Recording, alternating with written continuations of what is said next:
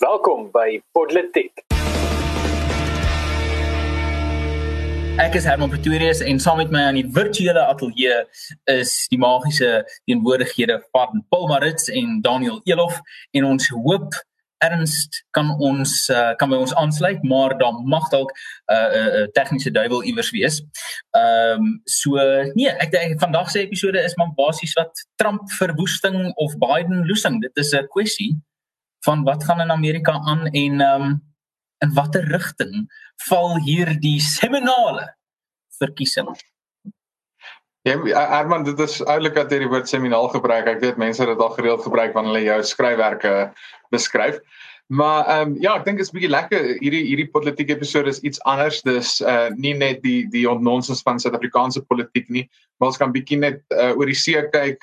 Ek wil nie sê dan noodwendig minder depressing politiek nie, Ehm um, maar ja, die punt is ons kan na bietjie iets vars kyk, ons kan bietjie na iets nuuts kyk en ons kan bietjie gesels oor iets wat nie net COVID-19 is. Ernst, welkom Ernst het ook by ons aangesluit. Ehm um, so ja, vir al die luisteraars hier is die die vier man politiek span om vandag vir die volgende uur bietjie met jou saam te ondonsens oor die verkiesing wat in Amerika gaan plaasvind. Ek dink dit is die 3de November, Herman, ek dink jy sal presies die datum onthou, maar as ek reg onthou is dit die 3de November wat die verkiesing dan nou in Amerika gaan plaasvind. Kan kyk um, ek kan nie datum onthou nie, maar dit is altyd die eerste Dinsdag in November, is ek dink wat die wat die wetgewing sê. Ja, behalwe die eerste Dinsdag uh, November. In 2016 was dit die 8ste, so dit moes dan die tweede Dinsdag gewees het, maar ek meen kan ek bietjie biografiese inligting gee? Ek's nie so slim met analise nie, so laat ek net lyk like asof ek iets gedoen het en dan wanneer mense eendag hierdie gesprek ontleed as seminaal dan kan jy weet dan dan uh, kan ek net so daai bydra byvoeg. Ehm um, die Amerikaanse verkiesing is op die 3de November. Dit is 71 dae van vandag af. Ehm um, op hierdie oomblik soos wat ons praat, het die Republikeinse Kongres begin die 24ste Augustus en natuurlik 'n paar ure na ons waar Donald Trump amptelik genomineer gaan word as die GOP kandidaat natuurlik die Republikeine se amptelike naam is die Grand Old Party. En dan net 'n paar pretfeite. Ek sal natuurlik die pretfeite in syfers soos wat ons gaan. Ehm um, maar daar uh, was 138 Amerikaners wat in 2016 gestem het. En dit is belangrik dat ons kennis af neem dat dit maar 58,1% van die moontlike ehm um, stemgeregtigde populasie is. En met ander woorde Amerikaners bo die ouderdom van 18 ehm um, En dis eintlik maar die norm. Ons het gesien dat in 2008 was dit met 62% en in 2012 hier by die 59%. So, ehm um, dit is dis ook nie mense het baie keer die idee dat Amerika was die weet die eerste regte demokrasie en dit was dis natuurlik een van die uh, kom ons sê die eerste nasie wat regtig op filosofiese gronde gebou is. Ehm um, en daar's 'n klomp uh gesprekke wat wat oor die jare ge gehad is oor Amerika se goedheid en grootheid. Donald Trump natuurlik oor die grootheid vier. Maar ehm um, ek dink wanneer ons hierdie gesprek ingaan, moet ons nie moet ons dit nie moet ons ook nie opblaas nie. Ons moenie so na Amerika kyk dat ons vergeet hulle het ook maar 'n foute nie. En as jy nie 'n 60% stemsyfer kan kry nie, ek weet Herman een van jou gunsteling argumente is om mense te sê maar onthou 10 miljoen van die 26 miljoen mense het vir die ANC gestem. Is hulle dan regtig, jy weet, uh, jy weet hoe, hoeveel hoeveel voethou het hulle dan regtig in die in die Suid-Afrikaanse ehm um, opset? Maar dieselfde vraag kan eintlik maar gevra word oor baie lande. Ehm um, nou geval so dis 'n klomp biografiese inligting uh, om so 'n bietjie lyne te trek van waar Touch Rugby gaan speel. Ehm um, miskien Herman is nou 'n goeie tyd ja. vir hom in te spring soos jy wou. So so die die die ding is wat wat ek net moet duidelik maak is wanneer ek sê dat die ANC het met wat 10 miljoen 27000 stemme in 2019 die verkiesing gewen, dan is ek nie besig om te sê hulle is daarom uh on 'n nie legitieme regering of 'n uh, daar ek dink nie die regering sukkel met illegitimiteit binne die Suid-Afrikaanse grondwet nie. Ehm um, wat ek wel sê is dat mense moenie die fout maak om te dink Suid-Afrika is hierdie ANC land waar die massas waar letterlik amper 60% van die bevolking die vreeslik ehm um, um, soort van pro ANC is nie. Maar dit is 'n baie interessante ding. Ehm um, en ek dink dis in, in Australië is is is um, om te stem verpligtend. En daar dink ek het hulle het hulle um omtrent net 86% van stemgeregtiges wat opdaag. En daarsoos kan jy kan jy 'n uh, boete ehm um, kry as jy nie opdaag om te stem nie. Wat ek dink ook natuurlik, ek bedoel dis dis 'n interessante gesprek wat mense dalk kan hê is moet stemming moet moet stemming verpligting wees tydens 'n verkiesing.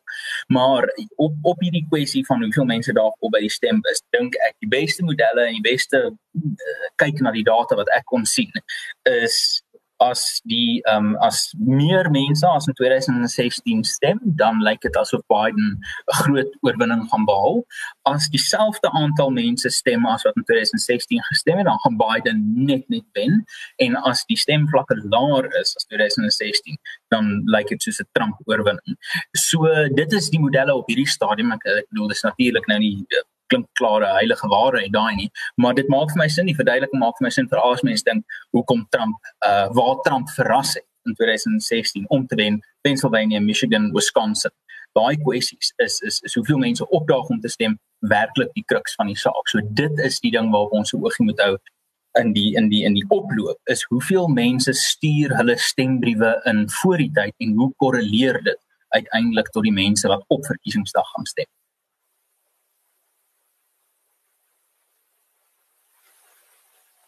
Adams. Uh, nee, ek het daar nie uh, ons het mos so 'n stelsel hier om te wys wie uh, wie praat tweede of wie praat volgende en as 'n ja, snaakse naam van hulle doen. Dit was Herman se naam. Ja, maar dit het intussen reg gekom. Alrite. Nee wat uh, ek dink vir my en dis iets wat ek al op 'n vorige episode gesê het, ehm um, in terme van die Amerikaanse verkiesing was dit in 2016 dieselfde gesien. Die volgende 2 maande is krities. Ek praat nou van die volgende komende maande, nie Augustus nie. September en Oktober is is veral belangrik. Um en in Amerikaanse politiek praat hulle van die die Oktober verrassing. Daar kom altyd dis wanneer die partye altyd as hulle enige kaarte by hulle mou op het, dis wanneer hulle hulle speel. En ek dink veral in September as jy kyk na die vorige verkiesing, iets wat nogal baie groot invloed daar gehad het was uh, so Trump en baie van sy ondersteuners het gepraat oor is Hillary Clinton regtig haar gesondheid alles daar? Is daar enigsins 'n probleem met haar gesondheid? Sy het 'n paar uh, eienaardige goed gedoen byvoorbeeld om hoesaanvalle by meeste van haar uh praatjies te kry. En toe uh in September met die herdenking van die ehm um, die aanval op die die op die World Trade Center uh het sy uh, in een gestort na na sy een of ander um seremonie bygewoon het en daai video het toe soos 'n veldbrand versprei en eintlik al hierdie uh, al hierdie gesprek rondom haar gesondheid na die voor na die na vore toe gebring weer in die Amerikaanse politieke debat en ek dink 'n groot invloed gehad op die net die momentum van daai verkiesing uh, aangesien dit heeltemal die wind uit die seile gehaal het van haar ondersteuners en die Trump ondersteuners baie meer van 'n uh, weer 'n vlammetjie aangesteek het by hulle. So ek dink regtig um, ek dink nou is nog te vroeg om te sê om regtig uh met sekerheid te sê hierdie uh gaan die uitslag wees uh aangesien uh die volgende 2 en 'n half maande dink ek absoluut krities gaan wees. Dis wanneer as daar enige verrassings is wat nog gaan gebeur, gaan dit nou gebeur. Ehm um, dis wanneer die die hele presidensiële resies in Amerika eintlik regtig ongelooflik interessant raak want jy gaan nie net 'n paar interessante goed sien van beide partye nie, maar ook 'n hele paar vreemde goed. Uh, daar gaan 'n hele paar desperate pogings van beide kante af wees om eintlik die die verkiesing 'n uh, bietjie meer op te vlam en uh, opgewonde opgewondenheid rondom hulle uh, hulle ondersteuners op te wakker. So ek sal definitief 'n oogie hou op Amerika in September en Oktober veral want dis wanneer die interessante goed na vore kom volgens die geskiedenis. So om om net bietjie ek ek hou altyd daarvan om terug te verwys na na vorige politieke episode van ons bespreek maar af en toe in die, ons internasionale afdeling van ons weeklikse episode. Ehm um, bespreek ons nogal wat gebeur in in Amerika en veral met die verkiesing van Donald Trump as dit maar 'n groot hy is net heeltyd in die nuus so mens, mens moet maar ongelukkig heeltyd praat oor hom. En ek onthou aan die begin van die jaar Herman het jy gesê ek, ek dink dit was in die begin van die jaar of aan die einde van verlede jaar het jy tydens 'n uh, politieke episode gesê wel die enigste ding wat vir Donald Trump hierdie verkiesing kan kos is as hy as as die ekonomie heeltemal in duie stort. Nee, dit is in duie stort nie, maar as die ekonomie regtig verskriklik sleg gaan. Ehm um, die punt is die werkloosheid in Amerika was op rekord laag. Dis die ekonomie het geboom, die aandelebeurs het geboom. Dit het regtig goed gegaan met die FSA. Dit sou regtig die, die enigste ding wees wat hom werklik ontkeer. En en dis dit interessant want ek wil nou nou sit ons met die hele COVID pandemie en die ekonomie het getank. Dit het oor die hele wêreld slegter gaan, aansienlik slegter as Suid-Afrika se en ander plekke, maar kan dit ook los vir 'n ander spesiale episode om daaroor te praat. Ehm um, maar die punt is dit het in die FSA ook swaar gegaan want hulle moes maar ook inperk en en dit het die ekonomie so bietjie geraas. Maar interessant genoeg, ek het hierdie week toe nou gesien dat een van die die die herverkiesingspunte wat Trump uh, nie sentraal maak aan sy hele herverkiesingsveld of nie, maar wat hy wel sê een van die belangrike goed is wat hy gaan wil doen is hy sê eerstens hy wil COVID-19 heeltemal uitwis, maar tweedens hy gaan nie toelaat dat die ekonomie weer gaan sluit. Hy het dit redelik uitdruklik gesê dit dit kan nie weer gebeur nie. Die ekonomie in Amerika kan dit eenvoudig nie bekostig nie. Waarteenoor Joe Biden het die afgelope week by die Demokratiese Nasionale Konvensie gesê, wel die, die jy moet die ekonomie sluit en en hy sal onmiddellik as hy verkies word sorg dat mense veilig is en dat hulle beskerm word teen COVID. En ek wonder nog of hier dit nie 'n enorme groot invloed gaan hê op die ou en op die verkiesing nie. Die mense wat wil gaan werk toe wat weer ekonomies aktief wil wees en hulle gaan net eenvoudig kyk na die demokrate en hulle gaan sê wel julle wil hê ons moenie werk nie. Julle wil hê ons moet eerder wegkruip vir die virus en niks doen nie. En ek wonder wat se invloed gaan dit hê? En die punt is dit is eers iets wat nou in meningsopnames gepyl kan word. Ons eers oor 'n paar weke of selfs 'n maand behoorlik kan sien wat die invloed daarvan moontlik op die meningspeiling kan wees. Ja, um, iets iets anders wat interessant is natuurlik onthou wat daar's soveel dinge rondom Amerika wat wat interessant is met baie keer ek, ek kan verstaan hoekom maar so baie samesweringsteorie oor die teorie oor die FSA is want dis 'n land wat in soveel daar's soveel dingetjies wat gehul is en hierdie hele verkiesingsstelsel is so verweef en kompleks dat dit nie so eenvoudig is nie. Want natuurlik, wanneer ons praat oor die verkiesing, is dit baie belangrik dat ons moet moet meld uiteindelik gaan dit nie oor wie kan die meeste van hierdie 100 um 38 miljoen of 158 miljoen wat ek nou nou het, um wie kan die meeste stemmers kry nie. Uiteindelik gaan dit oor wie kan eerste by 270 kan ek sê setels of colleges uitkom. Um uiteindelik hoe die Amerikaanse verkiesing werk is dat jy 270 nodig het om te wen. Nou wat is hierdie 270? Uiteindelik is daar 538 verkiesers in die FSA. Dit beteken dat jy 435 verteenwoordigers het van die 50 state, 100 senators en dan 3 kiesers uit uit Washington self uit. En dit bring jou by hierdie mystieke getal. En dan kry jy 'n situasie waar dit nie 'n direkte demokrasie is van een man een stem nie. En natuurlik oor die jare het die demokrate gesê mag gee dit vir ons want dit het al 'n paar keer gebeur met Al Gore teenoor George W Bush as ek reg is en vernaamlik in 2016 met Hillary Clinton teen Donald Trump dat die demokrate hier by die 3 miljoen meer stemme het wat regtig nogals baie is. Dan moet 'n mens vir jouself vra maar goed As een mens se stem minder tel as ander mense stem, is ek reg daarmee. En na die ander kant, moet ons het al oor gepraat op politiek, maar na die ander kant, is dit reg dat die kustelike dele vir die binneland uh, die hele tyd dikteer en basies ad infinitum en vir altyd gaan sê hierdie is hoe die wêreld moet werk. Dieselfde kan miskien in Suid-Afrika gesê word. Is dit reg dat ons ekonomiese beleid konstant verkies word deur sekere areas? Is dit reg dat die suide van Gauteng effektief bepaal hoe die hele Gauteng moet funksioneer en wie die hele Gauteng moet regeer? Want as jy die suide van van Johannesburg wegvat en die res van Gauteng het gestem, dan ewe skielik is dit heeltemal 'n ander prentjie. Dieselfde miskien in Suid-Afrika, as jy sekere metropole sou wegvat, dan lyk dinge baie anders. Mense kan argumenteer sonder die Wes-Kaap lyk dinge baie anders ten gunste van die ANC sonder KwaZulu-Natal lyk dinge baie gunstig dalk jy weet aan die kant toe vir die EFF of die DA maar die die die punt wat ek maak is in Amerika is daai hierdie verskriklik komplekse stelsel waar dit gaan nie noodwendig oor of Donald Trump die mees populêre ou is nie dit gaan oor of hy die strategiese state gaan wen um, en as hy in daai state net 51% kry, kry nog steeds al die kiesers van daai staat. Ehm um, natuurlik, ons weet ek dink die laaste keer wat Kalifornië Republikeins gestem het was vir Reagan se tweede verkiesing in 84 dink ek.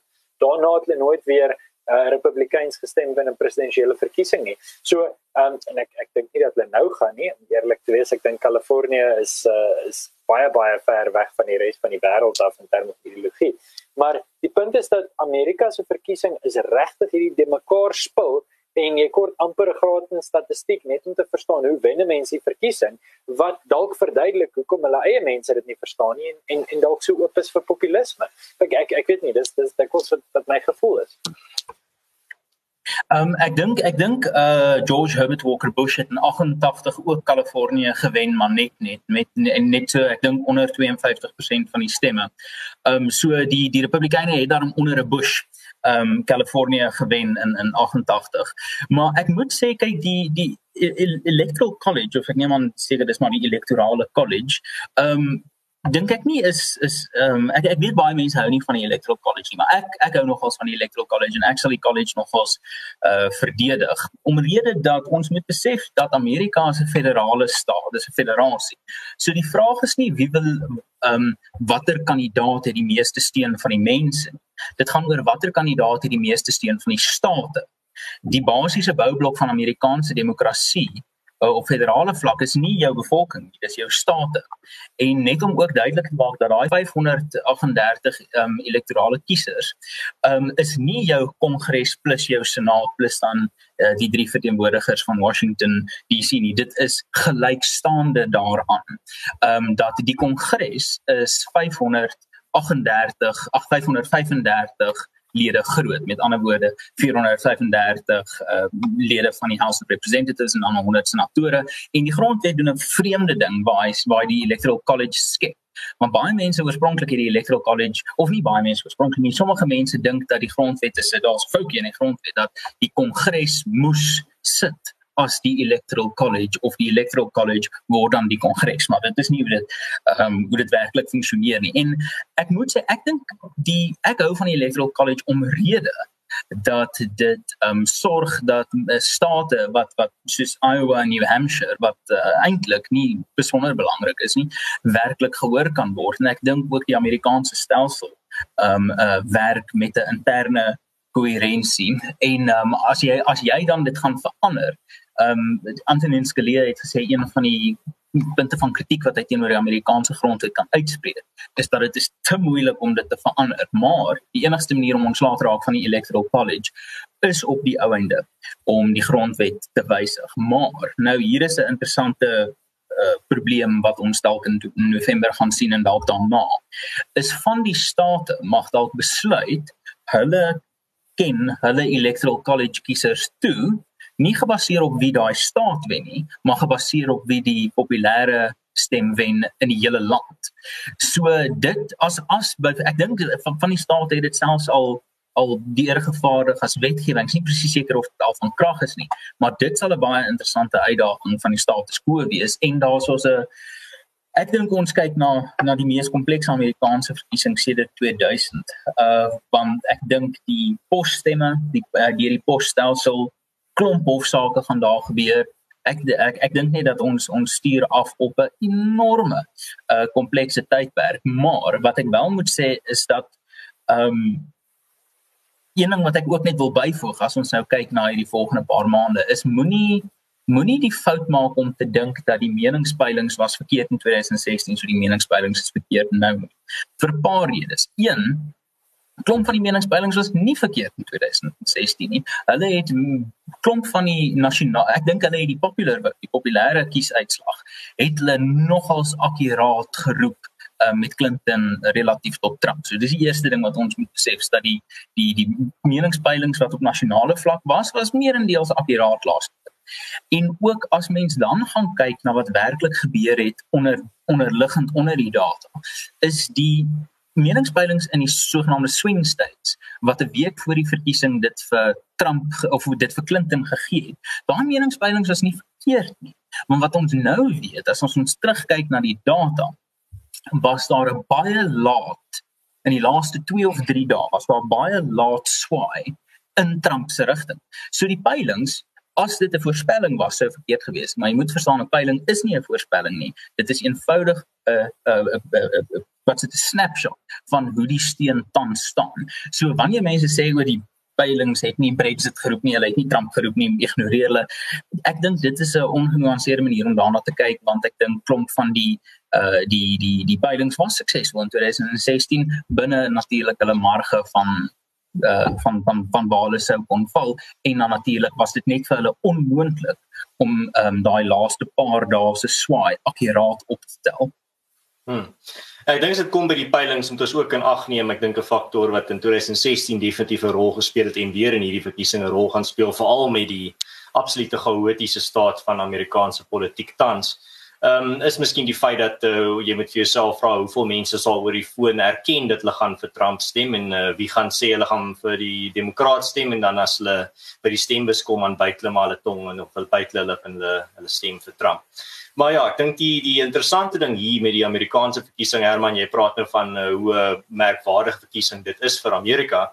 Ek dink vir uh, Suid-Afrika ook in terme van net die retoriek en politiek van ons land. Want ek sê nog altyd uh, Suid-Afrikaanse politiek is maar uh, grootliks ook Amerikaanse politiek maar met 'n bietjie van 'n vertraging in terme van die soort retoriek wat ons raak sien, die soort buzzwords wat na vore kom uh die die goed wat ons hier sien is uh definitief definitief 'n invloed. Uh, die goed wat ons in Amerika sien het definitief 'n invloed op ons. So die uitslag wat hier met hierdie verkiesing gaan gebeur, gaan 'n groot impak hê op Suid-Afrikaanse politiek. Um en veral in terme van wie gaan wen. So as uh, Joe Biden wen, sal my voorspelling wees dat ons gaan meer van dieselfde soort retoriek in Suid-Afrika sien. Ek dink nie veel gaan verander nie maar as Trump wen beteken dit die demokrate gaan moet uh, in die spieël kyk want uh, met die vorige verkiesing kon hulle nog sê maar in die met die volgende verkiesing kan ons vir Trump ontsetel en ons kan uh, mag terugkry maar met hierdie verkiesing as Trump wen sou die demokrate weet maar hy is nou vir 4 jaar in mag en dan daarna gaan hy moet vervang word deur iemand anders so as hulle hierdie ene verloor gaan die volgende verkiesing vir die demokrate van kardinale belang wees en ek dink dit kan dalk vir hulle dryf waar hulle by die vorige verkiesing kon 'n verskoning vind om nie in die spieël te kyk nie, maar net aan te hou met hulle hulle retoriek van die vorige verkiesing en met meeste van dieselfde ideologiese uh standpunte. As hulle hierdie ene verloor, dink ek gaan hulle baie sterk insentief hê om in die spieël te kyk en te en te hersien in terme van hoe hulle hulle wat se ideologie hulle volg en wat se uh, faksie binne in die demokratiese party regtig uh mag toegeken word. So ek dink dit gaan 'n baie interessante ding wees en ek dink as as hulle gaan hersien dan gaan hulle 10 teen 1 teruggaan na meer van 'n 'n JFK party toe eh, die meer die die tradisionele demokratiese party wat nie uh, ras behep of uh, gender behep is nie maar of al hierdie identiteitspolitiek of uh, maar amper of lenend marxistiese politiek ehm um, dink ek gaan hulle laat vaar en hulle gaan miskien weer teruggaan na 'n meer gematigde werkersklas uh, ons is vir die gewone Amerikaner uh, benadering. Maar ons sal maar moet sien wat daar gebeur. So ek dink regtig ons as Suid-Afrikaners baie mense sal nou sê maar vier Suid-Afrikaners wat nou praat oor die Amerikaanse politiek uh, wat gaan dit nou enigstens help en wat weet ons nou regtig maar ek dink ons het nog al 'n seggenskap daar dat wat ook al in hulle politiek gebeur uh ons onder in die stroompie is so wat ook al daar gebeur gaan op die ouend by ons ook uitkom met bietjie van 'n vertraging Ek uh, net net vinnig om by jou aan te sluit. Erns, ek dink hier's 'n vraag wat ook in die kommentaar afdeling uitgekom het van wat dink ons oor die silent majority teorie en ek dit is ek dink wat jy so aangeraak het met die punt dat dat daar's mense wat dalk nie bereid is vir meningspeilers te sê hulle is hulle sal dan op Trump stem nie maar dan in werklikheid doen hulle. Maar ek my groot probleem dink ek met daai teorie en ekskuus vir die rond wat die agtergrond af is nou die vreugdes van om 'n uh, COVID tydperk en nog steeds aan te gaan met die lekker regstreekse uitsendings van die huis af. Maar my, my grootste probleem met die silent majority teorie is of spesifiek in Donald Trump se geval ek ek dink ek ek het te veel of te genoeg al gelees oor presies hoe dit saamgestel word of beweer dit saamgestel word in Amerika nie. My grootste ding is ek net dink na as ek kyk of ek dink oor die Jan Alleman in Amerika is, is Donald Trump se grootste uitdaging is ja, hy is vir die werkersklas en ja, hy wil die ekonomie heropen en sorg dat die ekonomie verder kan groei en ontwikkel. Maar daar's ook baie eenskappe van Donald Trump wat Jan Alleman of Jan, Jan publiek of die mense op straat regtig afsit en ek ek bedoel hy hy hy gaan hy verskriklik gehop heen en weer oor sy posisie oor abortus byvoorbeeld. En ek dink mense onthou dit. Um, en ek dink wanneer hy dan gaan praat oor die kwessie, dan is daar mense wat onthou wel hy uh, ek kan ek oud genoeg om te onthou dat 5, 6 jaar terug het jy nie gevoel so wat jy nou voel oor abortus nie. En ek dink daar's baie sulke punte wat ons probleem is vir Trump. So op die ouene dink ek gaan dit oor en dis wat Ben Shapiro se argument is oor Donald Trump is en hy sê dis all back into the cake. Is deel van die pakket. Jy dit wat jy sien is dit wat jy kry en op die einde is die vraag vir die Amerikaanse verkiesing of die silent majority of dan politiek is is wat in daai koek is goed genoeg vir jou om jou stem op die einde kom te gee want anders as ander kandidate dink ek is daar regtig 'n groot opweging dis nie net van hou ek van die een meer as die ander nie dit is regtig 'n vraag van hou van een meer as die ander en as dit toevallig die een is dat dit Trump is van wie jy meer hou, dis dit kan ek regtig my stem vir hom gee. Want hoe dit is Amerika is nog steeds 'n groot verloorde land. Dit is 'n land met uh, wat wat sterk voel oor uh, moraliteit en en mense se karakter. En Donald Trump en ek is nie altyd daardie persoon en hier wat Amerika altyd dink hulle moet doen. En ek dink dis sy groot uitdaging. Ek dink dis sy groot uitdaging indien hy probeer om die silent majority te kry en dit te staan dis vir daai ek. So Daniel ek ek hoor wat jy sê. Ek dink ek dink dit is 'n dis 'n interessante gedagte en as ons nou min of meer jy weet amper die halfpad merk van hierdie gesprek bereik dink ek dit dis dalk ook 'n gepaste punt vir ons om mekaar se se opmerkings en gedagtes te toets. En ek wil spesifiek praat oor waar die ruimte lê. Ehm um, die interessante ding ek ek besef ons ons praat spesifiek oor vandag se verkiesing of oor oor die verkiesing oor 71 dae en 71 dae is min. Dit is môre oor 10 weke. Dis dis niks in terme van hoe lank ons in inperking was. Ek bedoel dis mense raak vinnig gewoond aan daai tyd. Die gedagte vir my, die die vraag wat gevra moet word is uiteindelik wat is die wese van 'n Amerikaner en Daniel jy het daaroor gepraat en voor jy het erns oor gepraat en Herman het dit ook aangeraak. So, ons het hierdie hele gedagte dat hierse vraag is dit Amerika.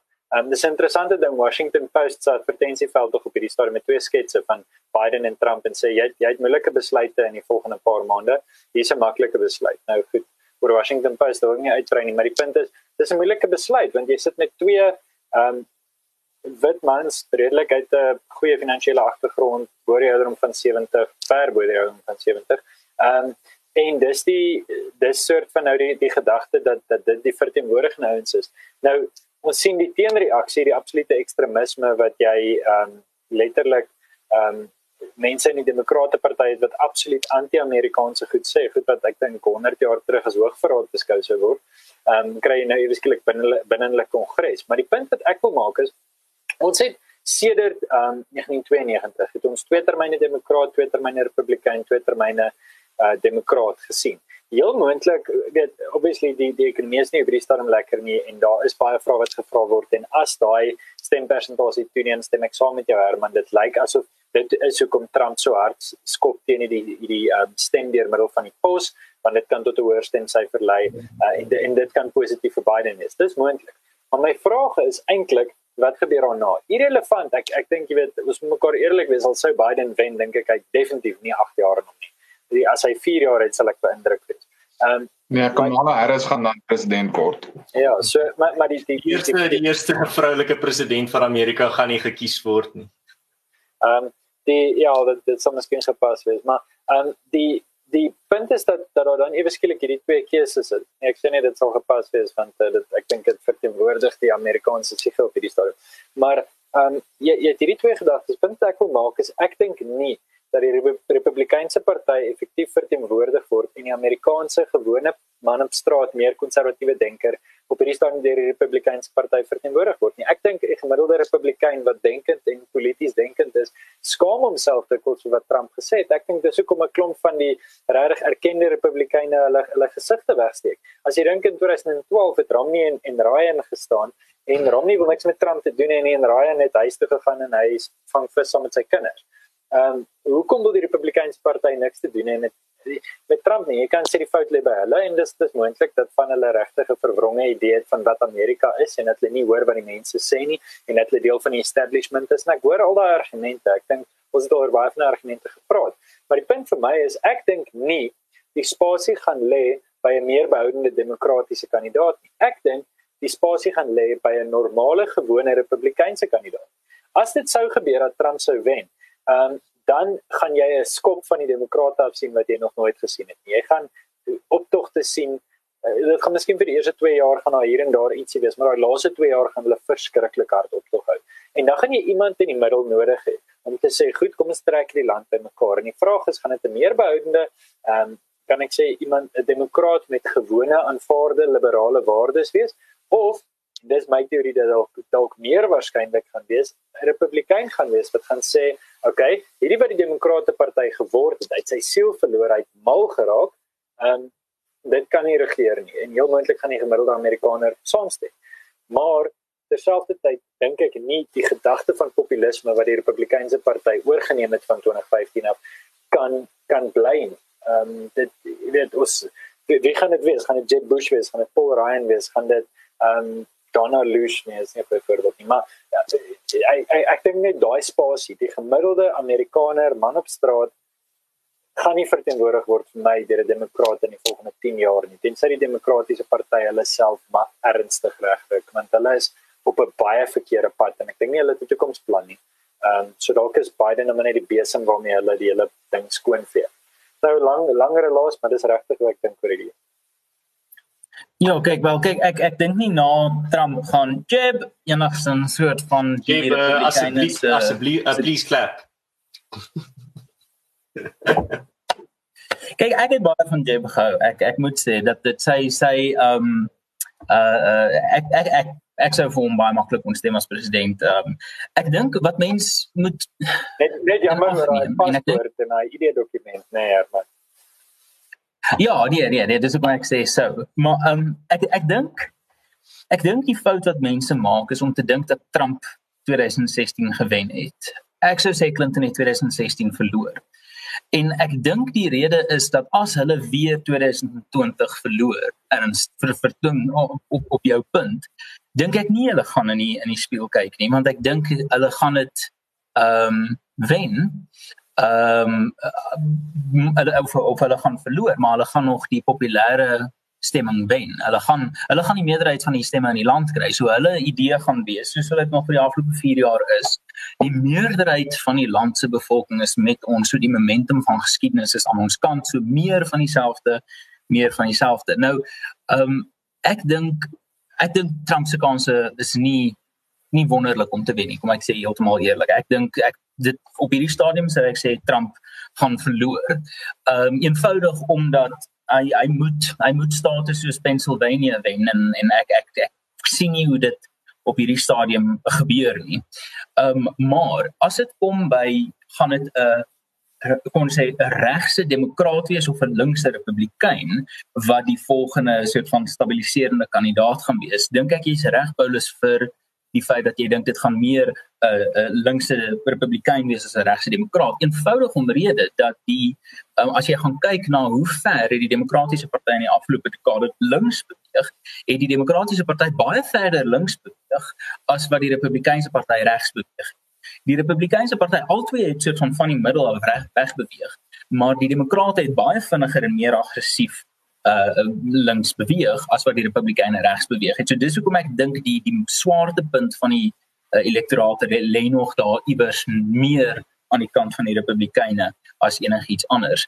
Maar op hierdie idee van wat kom volgende? Ek dink nie die demokrate of die Republikeine weet nie. Ek sien iemand het genoem dat uh, Ted Cruz mag dalk Trump se opvolger wees. Ek dink ek ek ek, dink nie dit is haalbaar nie. Ek dink nie 'n uh, 'n uh, uh, Cruz het veel uh, wat hy kan bied um, aan die aan mense aan die ander kant van die spektrum nie. Ek dink hy is 'n baie goeie sogenaamde electoral political attack dog vir die Republikeine, maar ek dink nie hy het die Reagan, Clinton, Bush vermoë om regtig die land om te verenig nie. So ek sou sê die die Republikeine moet veel eerder kyk na 'n rigting soos uh, Nikki Haley of uh, selfs uh, Mike Pompeo die huidige staatssekretaris um, as as 'n opvolger van Trump. En ek moet sê as as iemand wat glo in die individu se vryheid um in in in klassiek liberale waardes um waarop die Republikeinse party oorspronklik gebaseer was um as 'n as 'n anti-slawerny party dink ek die beste ding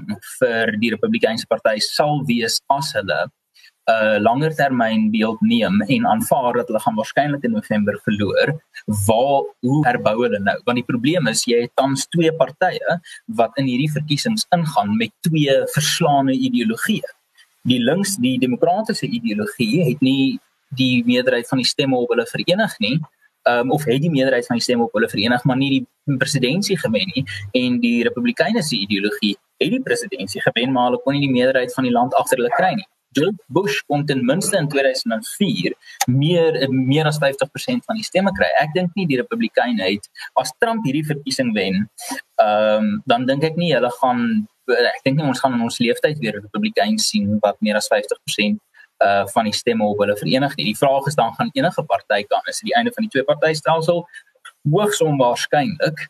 Ehm um, maar ek ek moet sê ek dink die demokrate het 'n baie moeiliker kans op 'n gematigde opvolg vir 2020 die republikeine mag dalk 'n gematigde opvolg hê en ek dink dit dit sal hulle hoop wees. Hmm. Herman net uh, ek gaan uh, ja Daniel. Ek ek gaan maar anders ek sal sal na jou inval. Ja, ehm um, ek dink ek wil maar net 'n finale gedagte van my kant oor wat kom volgende. Ek dink is 'n baie interessante vraag. Ehm um, vir my ek dink ek gaan 'n teen die grein voorspelling maak. Uh, ek dink die die minste waarskynlik is 'n gematigde uh Republikein wat die volgende verkiesing gaan wen. Uh ek dink wat gaan gebeur is as daai scenario wat ek vroeër van gepraat het gebeur waar die uh demokrate in die spieël kyk en hulle self hervorm, gaan ons dalk 'n meer gematigde, meer JFK tipe demokraat leier kan sien of as wat gebeur wat julle van praat waar die demokrate nog meer hulle kop verloor en regtig begin nie net uh, standbeelde brand en af aftrek nie maar mense by en jy sien begin mense sien doodgaan by hierdie soort uh, onluste en die onluste raak on, onmenslik uh, erg soos wat ons al in die, in die verlede gesien het. Ehm um, dan gaan ons die volgende president van Amerika of ware populistiese regse of 'n ware populistiese linkse wees. Dit is die twee scenario's wat ek sien, of 'n gematigde demokraat of 'n ware populis van die linkse of die regterkant uh die ware regse populis gaan 'n reaksie wees op hierdie uh op hierdie onderste wat so hand uitdruk of 'n ware 'n ware linkse populis gaan daai onluste wees wat op die ou end uh kry wat hulle soek en 'n leier dan uh in die uh in die withuis kry. So dit sal my bietjie meer teen die grein voorspelling wees. Net net vinnig, ek wil net op Herman se een punt reageer want Herman jy het nou gesê dat ehm um, so die, die dat sê die verkiesing het die, die demokrate linkser geskryf en en die republikeine regser. En dit het my toe dadelik laat dink dat eh, my eerste gevoel was wel ek dink ek dink nie so nie. Ek dink ek dink die republikeine het het eintlik meer links beweeg. Maar ek dink op die einde gaan dit oor wat definieer ons as na links of na regs toe geskuif.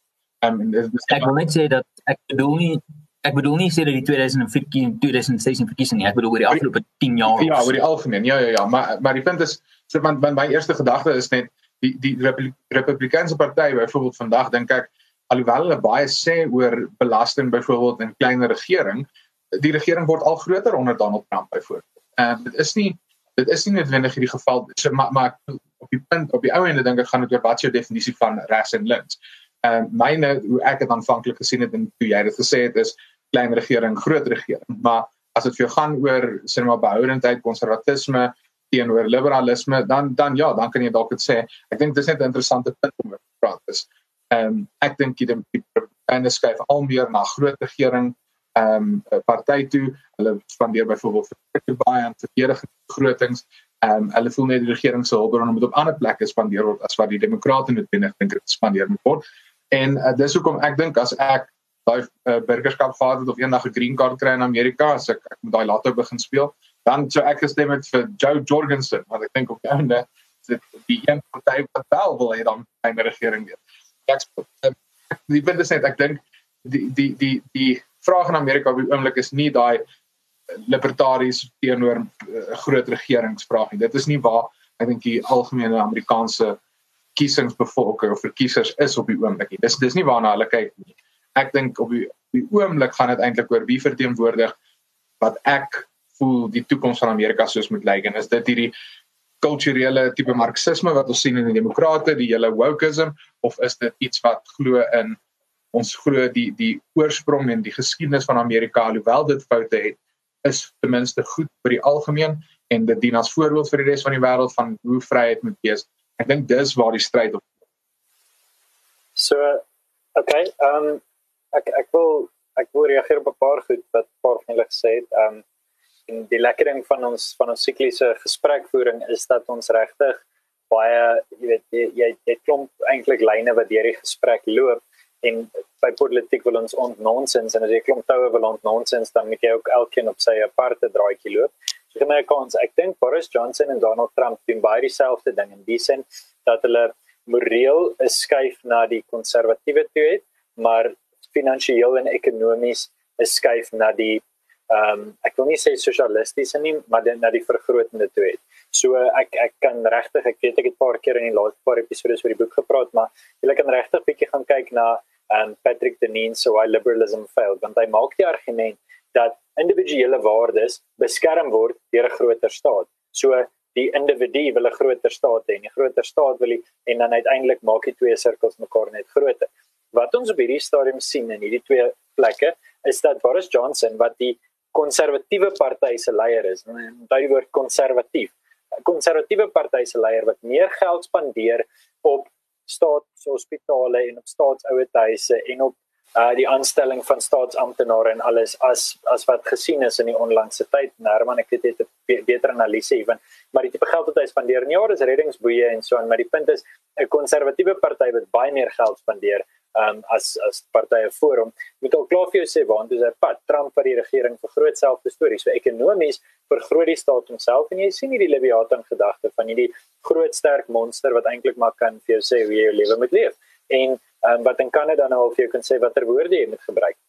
So dit aan die een kant maar hulle besef dat mense wil voel asof sy individuele regte saak maak. Asof hy self kan besluit of sy kinders vol Bybel lees en self kan besluit wanneer sy geweer in die Walmart rondloop. So dit word vir hom toegelaat. En uiteindelik sien die mense homself as verbruiker en as verbruiker is hy gelukkig. Hy dink jy maar Trump het my individuele my individuele regte beskerm. So dit dit dis 'n tendens wat mense regtig moet dop en ek dink um, dis dis definitief nou twee lande aan die gang en mense kan um, in Suid-Afrika is hulle daar 'n bietjie meer eerlik oor dit. Goed um, ek ek dink Herman dan wil ek reageer op op op 'n algemene gedagte op 'n paar goed wat jy gesê het. Ek dink jy moet net onthou 2016 het niemand vir Trump 'n kans gegee nie. Niemand. Ek bedoel die meningspeilings die dag voor die tyd, een meningspeiling, 'n groot, ek dink New York Times het iets het vir met 10% kans gegee om te wen. En Hillary Clinton het 7% Hillary Clinton vir jaar 26 Oktober, met ander woorde, dit was so 12 dae voor die verkiesing. Toe plaas sy 'n uh, 'n foto van haarself as kind wat sy sê kom 'n uh, happy birthday to this future president of Africa. Sy was vasoortuig. Almal was die meningspeilings was vasoortuig. So ek is baie ek, ek vra vir myself hierdie vraag. Is daar mense wat in 2016 vir Trump gestem het wat nie weer vir hom gaan stem nie? Ehm um, en dat, dan dit sal beteken dat dit 'n gematigde republikeinse stemmer is wat voel dat dat COVID sleg hanteer word deur Trump Nou daai persoon sal moet besef hoe Cuomo dit hanteer het in New York en wat Biden se advies oor dit was en dink is hy meer kwaad vir Trump as wat hy kwaad is vir hulle. So dis die tipiese ou wat vir Trump gestem het in die verlede nie vir hom gestem het. Dan is my ander vraag en hierdie is 'n belangrike vraag en Herman ek dink dit dit gaan direk in op op dit. So dis nie ek ek wil nie jou punt aan nie. Ek vra letterlik vir jou hierdie hierdie vraag. Dink jy nie 'n klomp mense wat bereid was om vir Clinton te stem. Hulle was op hierdie golf. Hulle is eintlik sosiaal redelik konservatief en hulle is eintlik Republikeine en laer, maar hulle wil die eerste vroue president sien en jy weet hulle dink regtig Hillary was eintlik sy was ingedoen deur Bill Clinton en sy's eintlik die hart gewees en sy's regtig kry kom ons stem vir haar. Dis nog nie 'n klomp van hulle wat nie in hulle lewe ooit vir Joe Biden sal stem. Um ek sê nie Trump gaan meer stemme kry nie, maar wat ek net vir myself moet vra is as Biden gaan wen, beteken dit twee goed. Dit beteken ten eerste ons mense wat laas vir Trump gestem het wat nie weer vir hom gaan stem nie en daaroor vra ek vra en dan beteken dit ook dat almal wat vir Clinton gestem het gaan vir Biden stem. En daaroor is ek nie seker. So my analise op daai twee vrae is onduidelik. En uiteindelik kan ek hierdie spesifieke uh, ronde van my uh, vuil maak van die water afsluit deur te sê ek dink dis aansienlik minder as wat ons dink. Ek dink die gemiddelde Amerikaner is bitterlik gatvol vir die vernietiging van bates en die optogte en goed en hulle kan duidelik sien dat die demokratiese party nie negatief reageer hierop. Die demokratiese party in hulle stilte keer dit goed dat mense se standbeelde beskadig word, dat Bybels gebrand word, dat kerke aan die brand gesteek word, want hulle sê niks daaroor nie. En as hulle iets sê dan is dit so gematig dat dit eintlik maar gelos kon word. My lees van dit is bietjie meer op 'n afstand as as wat ek dink van julle ouens wat nou regtig elke dag hiermee werk, maar ek is nie oortuig dat dat Trump so ver van wen af is nie. So ek dink die uh ek dink jy's verkeerd as jy sê dat mense moet skuif van Clinton na Trump of of of ehm um, hoe het jy dit nou gestel? Ehm um, van Clinton die, na Biden? Ja. Ehm um, die ding is die een van die redes, ek dink ons ons het nou daaroor gepraat New York Times wat Clinton 'n 91 92 93% kans gegee het om te wen. Ek dink dit was deels hoekom sy verloor het. Dit was so 'n uitgemaakte saak dat sy sou wen dat mense het eenvoudig op kiesdag nie gedink ag wat se kans? Verstaan ek hoef nie vir Clinton te gaan stem nie. Sy gaan nou mos wen. Ek hou in elk geval nie regtig baie van haar nie. Maar ek bedoel sy's goed genoeg en sê en kyk die media sê sy gaan wen. So Trump kan presies dieselfde aantal stemme kry as wat hy gekry het in 2016 en ek dink hy sal verloor. Um ek dink eenvoudig daar hoef nie enige kiesers te skuif nie. Ek dink dan moet eenvoudig kiesers wat onaktief in 2016 was, meer aktief wees in 2020 dan wen uh uh, uh Biden vir Pennsylvania. Um en en en as Biden Pennsylvania wen, uh, dan dink ek nie Trump het regtig geroete na na 270 nie. So die die die kwessie is regtig eerder um, wat wat vote turnout in Afrikaans, maar die punt is turnout. Die vraag is hoeveel mense uitkeersyfer. Yes. Dit is die ding wat gaan maak of ons hier uh uh uh wen of verloor. En hierdie is hoekom ek ook nou eendag op Twitter gesê dit is Trump se se beste kans is bestaan uit twee goeders. Een 'n uh, astronomiese derde kwartaal ekonomiese opheffing.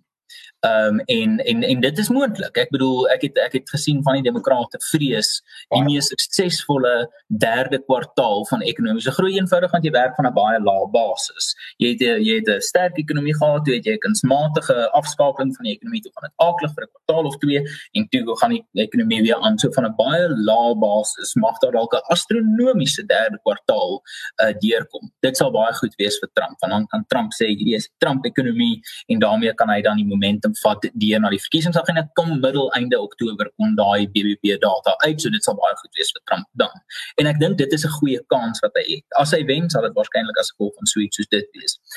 Maar besef dat in 'n staat met amper 6 miljoen mense wat stem, het Trump Pennsylvania gewen met minder as 50000.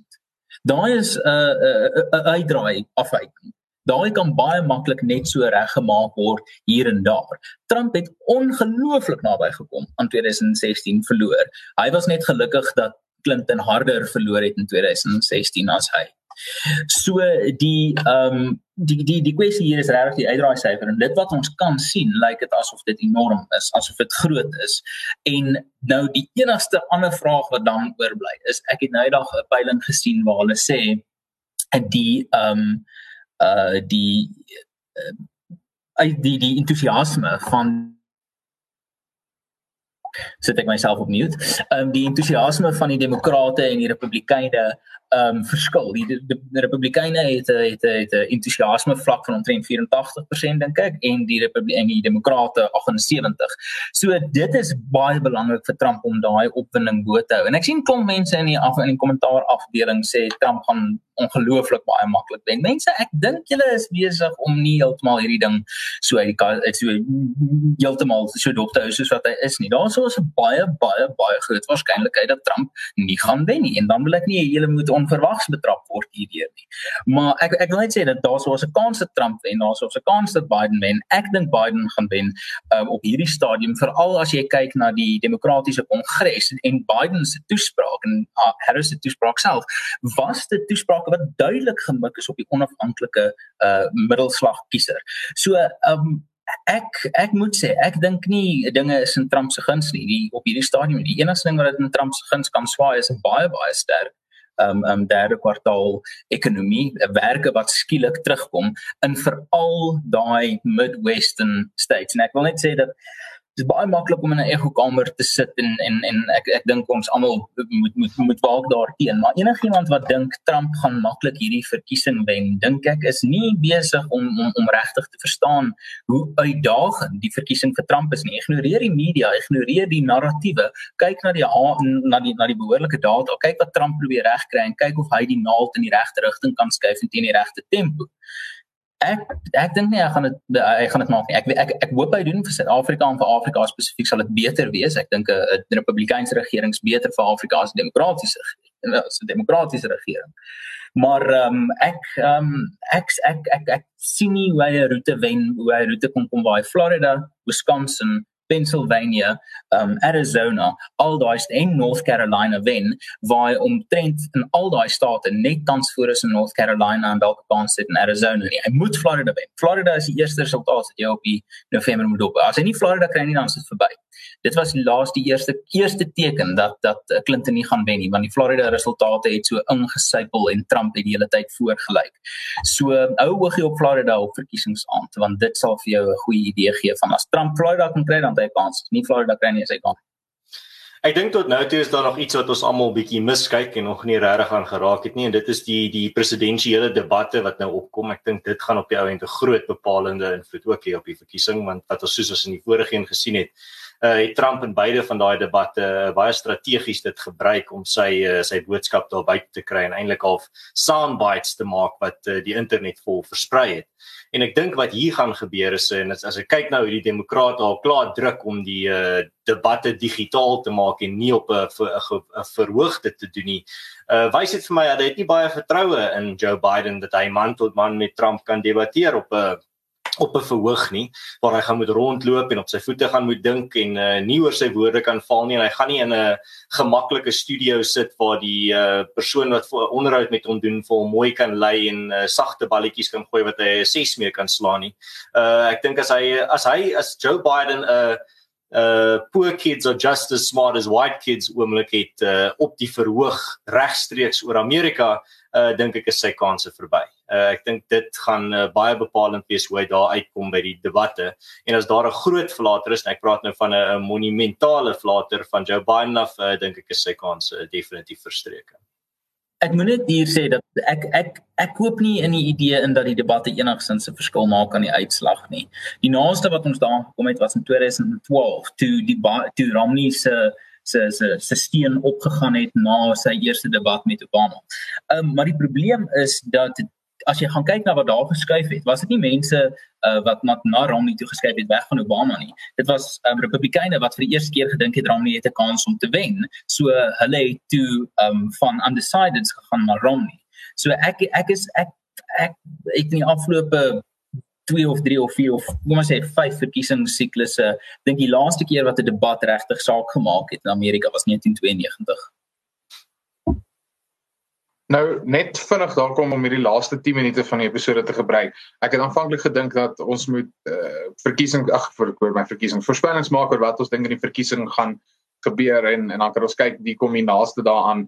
Ehm um, en dan dan kan die wenner eh, 'n uh, lekker bottel whisky wen. Maar ek dink ek wil dit los vir 'n weeklikse episode waar ons vinnig erns nader aan die tyd praat oor die Amerikaanse verkiesing want 'n luisteraar het hier nogal 'n oulike vraag gevra op YouTube wat ek dink 'n ideale manier is om hierdie episode af te sluit. Dan kan ons elkeen 'n geleentheid kry om sy vrae te beantwoord soos hoe ons dit sien. So ek sit dit gou hier op en die luisteraar vra indien jy kan, wat spekuleer jy sal 'n Biden presidentskap lyk of hoe sal dit lyk en hoe sal 'n Trump tweede termyn lyk?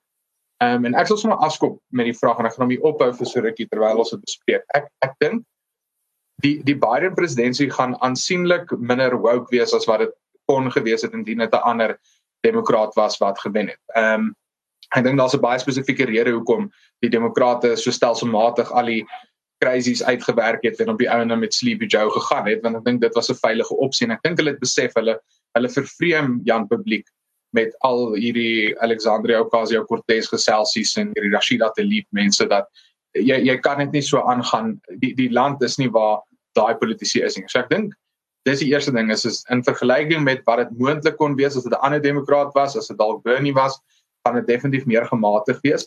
Ehm um, ek ek ek's nog nie heeltemal seker watter invloed gaan Kamala Harris hê op Biden se besluitneming ten minste terwyl Biden nog korpusmentes is en behoorlik kan dink. Maar ehm um, die die punt is dat uh, dit ja, ons weet nie of hy heeltemal selfs op die oomblik so is nie, maar ek ek sien heeltemal seker en en ek het nog nie my gedagtes mooi gevorm oor wat se invloed sy gaan hê op op Biden nie. Ehm um, ek dink die rede hoekom hulle op Harris gesluit het is hulle wil terselfdertyd daai nie heeltemal daai woke tag aan hulle hê nie maar hulle kort nog steeds daai stem en hulle moet seker maak daai daai jong mense kom uit en stem en ek dink dis wat hulle met Harris en probeer regkry het. En uh, so die presidentskap van Biden dink ek gaan meer gematig wees as wat dit kon gewees het. Ek dink ehm um, dit gaan baie soortgelyk wees aan Obama se termyn waarskynlik. Ek dink dit gaan 'n voortsetting daarvan wees. 'n uh, 'n tweede Trump termyn dink ek gaan baie soortgelyk wees aan die eerste Trump termyn. Ek dink dit gaan baie bombasties wees. Ek dink dit gaan baie ehm um, hoë konflik wees. Uh, ons sien nou die afgelope 3-4 maande hoe baie van die mense wat in Trump se verkiesingsveld gewerk het en voor voorheen met Trump gewerk het, word links en regs aangekla en beskuldig van allerlei dinge. En ek dink dit gaan so dit gaan voortgaan met Trump. Trump is 'n omstrede figuur en die omstredenheid gaan hom net volg. Maar ek die een ding wat jy vir Trump kan gee is hy het dit het goed gegaan met die ekonomie terwyl hy uh, aan bewind was. Ehm um, en ek dink hy gaan nog steeds aanhou daarmee. En uh, de, ek dink dit gaan dalk ons in 'n interessante posisie los dat oor 4 jaar na hierdie verkiesing indien Trump wel 'n tweede termyn kry, ehm um, dat dit gaan dan 'n interessante verkiesing wees as as die Amerikaanse bevolking gesien het, wel kyk wat doen hierdie Republikeinse ekonomiese beleid, dis goed vir die land. Ehm um, want ons moet onthou ons ons het nou binne die kwessie van 12 jaar twee resessies gesien. Ehm um, so die ekonomie is soos nog altyd 'n belangrike vraag in 'n verkiesing en ek dink dit gaan net soveel te meer so 'n belangrike vraag wees vir 4 jaar nadat Trump of Biden president was. So ek probeer van ek wees ehm um, ek ja ek, ek ek weet nie in Amerika of die president regtig soveel invloed het as wat ons dink nie. Ehm um, dis so moeilik om wetgewing deur te kry. In meeste gevalle is die president en die kongres van verskillende partye so hoeveel wetgewing regte verander is 'n vraag. Ehm um, die befondsing vir abortus verander gewoonlik en die belastingkoerse verander, maar wat gaan regte verander in Amerika? Ek weet nie. Ek dink Amerika se grootste uitvoerproduk is die Kardashians en hulle politiek nie. Ehm um, so ehm um, hoe dit of Apple en Microsoft het 'n baie groter impak op die wêreld as wat Trump of Biden ooit sal hê en dit sal voortgaan.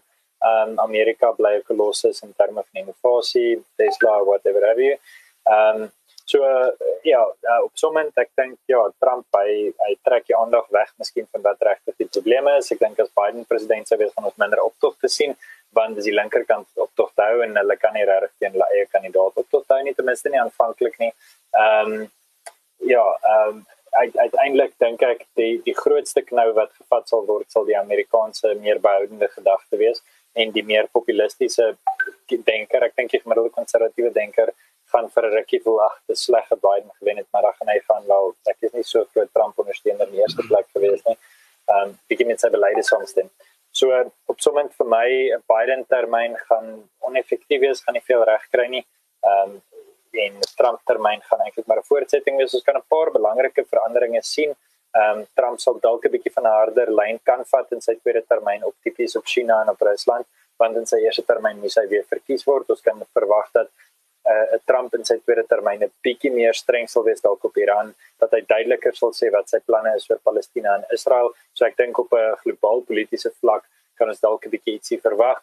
Ehm um, maar ek is ja, ek ek dink nie dat ons met die fout maak om te dink dat hierdie is 'n waterskeidingsmoment soos die Franse revolusie of die afstigting van Amerika van die van die Britse ryk. Dit is glad nie so iets nie. Uiteindelik dit dit is dis ja, dis geraas en hmm. die een van die beste raas gaan ook wen. My gevoel. Ja, uh, ek stem saam met uh, Daniel in terme van dat uh, Joe Biden uh regime gaan definitief nie 'n uh, uh, kommunistiese een wees nie. Ek dink nie dit gaan enigsins uh die meer verlinkse ondersteuners of verlinkse demokrate enigsins baie gelukkig maak nie. Ek dink hulle gaan eintlik meer gefrustreerd wees daardeur. En ek kan ook vir julle waarborg dat uh as Joe Biden wen, gaan sy regime ongelooflik vervelig wees. Dit gaan so vervelig wees soos 'n Cyril Ramaphosa toespraak ehm um, mense gaan regtig nie meer so aandagtig kyk na Amerikaanse politiek soos wat hulle in die afgelope 4 jaar gekyk het. Ek dink mense gaan eintlik weer 'n bietjie afskakel soos wat hulle gedoen het gedurende baie van die uh Obama jare. En ek dink ook iets wat ons dan meer van gaan sien net soos uh sy uh die uh, net soos uh Barack Obama onder wie hy visiepresident was uh Joe Biden regime gaan definitief baie meer uh, militêre intervensies in die in die Midde-Ooste hê. So ons sal maar moet sien wat daar gebeur, maar vir my en as uh, Donald Trump wen, wat ons daar gaan sien, ek dink meer ook van dieselfde. Ek dink nie ons gaan 'n radikale verandering sien nie maar ek dink as Donald Trump wen en hy het nou 'n uh, uh, nog 4 jaar waar hy regtig nie meer hoef te te bekommer oor populariteit nie, uh, dink ek gaan hy definitief mik vir een groot oorwinning of een groot uh ding om reg te kry wat hy half sy naam kan sement in Amerikaanse geskiedenis. Of hy dit gaan regkry, ek dink dit gaan sy Dis kom jy sê sement. ek bly hier al opgetel uh opgetel Paul. Uh maar ja, ons sal sien wat gebeur daar. Maar baie die twee alternatiewe is 'n uh, bietjie meer interessant en dan bietjie van 'n 'n flair aan hulle politiek en die ander en die alternatief tot dit as Joe Biden wen uh ongelooflik droog, vervelig en nie regtig iets wat jy uh, heeltyd gaan wil dophou nie.